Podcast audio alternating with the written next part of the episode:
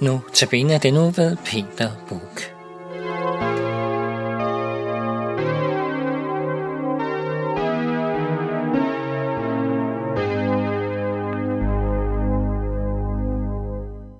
Velkommen til Notabene, den øh, femte af rækken her.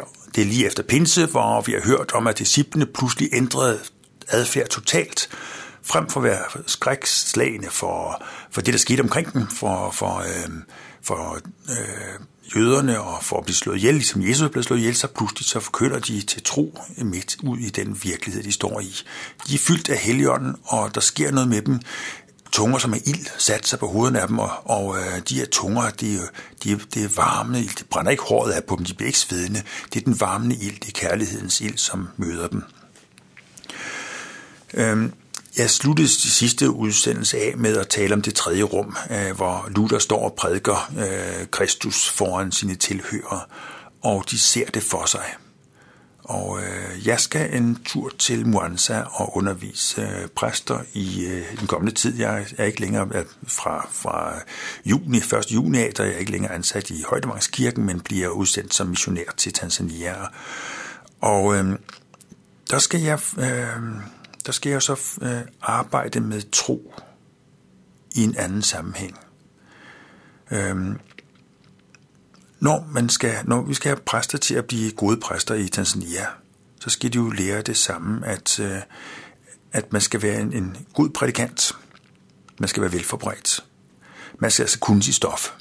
Og derfor skal de undervises, og de skal op på det, der er en diplomniveau, øh, så, så det, der før var en bibelskole, skal nu blive til en præsteskole på diplom med basis. Det vil sige, at de kommer ud med en, en øh, eksamen på, med en bachelor, altså øh, grundstudiet inden for universitetet. Og det er vigtigt, at en præst kan tingene. Han kan sit arbejde, han er velforberedt, han har studeret, han har tænkt tingene godt igennem.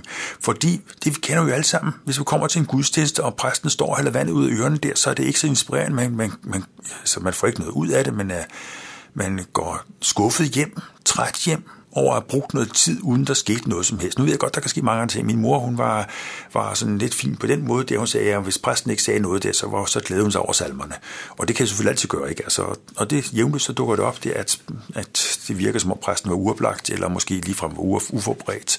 Men uh, ham så sunget... Øh, kærligheds- og sandhedsånd, eller hvad man nu synger på i, i, i pinsetiden af gode salmer der, så kan man blive meget opbygget af de fantastiske ord, som er givet videre til os igennem dygtige forkyndere, hvor vi møder en andens ord, og pludselig kommer det tredje rum, det som jeg snakker om, der hvor tingene vokser og bliver til noget anderledes noget. Præsten skal ikke bare tale, og folk skal lære udenad. Det er en slags kopiering, og det kan, det kan maskiner gøre, ikke? Du går ind til kopimaskinen, du putter papir i og trykker på en knap, og der kommer en nøjagtig kopi ud af det, som du puttet ind. Og øh, det, er, det er maskinelt og øh, ikke særlig menneskeligt. Øh, selvfølgelig kan vi udenadslære, og der har været en tendens til i nogle, nogle steder, at vi skal lære udenad. Luthers katekismus, kan du den udenad? Det skulle man kun i gamle dage. Heldigvis skal vi ikke det mere. Øh, England siger learning by heart, og det er måske meget smukkere, det er også udenadslære, men at det kommer ind i hjertet, og hvis det er det, der sker, at du får det ind i hjertet, jamen, så er det jo fint nok, så er det ikke udenadslære, så bliver det din, din hjertesag. Og Learning by Heart vil jo øh, være et ideale, ideal for enhver øh, øh, gudstjeneste, at når vi kom derud, så havde vi taget det til vores hjerte. Men øh, udenadslære, man kunne forestille sig, at præsten står oppe på sin prædikestol og taler ned til folk, og det er som han har et rør, og det putter han ind i øret på folk, og så fylder han en masse visdomsord ind, som bliver lavret ind i de tilhørendes hjerne. Den form for kommunikation virker ikke. Man har prøvet på at spørge folk, om de kan huske, hvad præsten sagde, og det kan de som regel ikke. Øh, var det så lige meget? Ja, så har der været en overgang, hvor man siger, at det er fuldkommen lige meget, det, det, det hjælper ikke noget. Man kan jo prædike lige så meget, man vil, men der er ikke nogen, der forstår noget, hører noget som helst, så det er lige meget. Jeg ved ikke, om du har, har lagt mærke til, at der var en overgang, hvor man skulle sige for det første, for det andet, for det tredje. Øh, for at være sikker på, at man kunne huske det, og man skulle gentage, og man skulle starte med, sit, med sin, øh, sin øh, punchline, sådan en vigtig ting, og den skal gentages en gang midt i, og så skal den sådan komme igen slut på. Og for det første, og for det andet, og for det tredje, og så får man gentaget tingene. Til sidst kan folk lære det udenad. Fordi man så gerne vil have, at de her vigtige ord bliver til del for andre. Men det er en tung måde at kommunikere på. Øhm, det tredje rum er i virkeligheden, at en dygtig prædikant, og det er det, som min kone og jeg skal ud og undervise folk til at, til at, til at arbejde med, gøre sig en stor anstrengelse for at forkynde Kristus som korsfæstet ind i en anden sammenhæng, hvor så den menighed, som de møder, skal se Jesus for sig. Men på deres egen måde, med deres egen baggrund, deres egen livserfaringer. Fordi i det øjeblik, du går ind med dine egne erfaringer og hører ordet, så bliver du bevæget, så bliver du flyttet. Hvad skal vi gøre? Deres erfaring var, at de lige havde gjort noget slemt. Og Peter taler ind i deres erfaring og flytter dem, fordi øh, man bliver bevæget, hvis det er min erfaring, der bliver mødt i en indre dialog med prædikantens ord.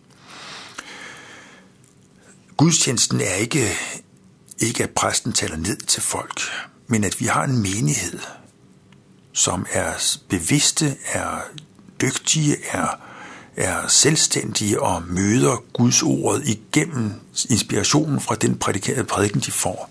Men det, som, som øh, er resultatet, det er større end det, som præsten prædikede. Det, som den enkelte mand kom med til gudstjenesten, er mindre end det, man fik, hvis det tredje rum kommer op. Og hvad er det tredje rum? Det er Helligånden. Det er Guds Helligånd, der udvider vores horisonter, der gør, at mit liv taler sammen med præstens ord og taler sammen med hele Bibelens vidnesbyrd. Således elskede Gud verden, at han gav sin søn, for jeg ikke skal fortabes. Midt i min verden har Gud grebet ind og gjort noget stort for mig.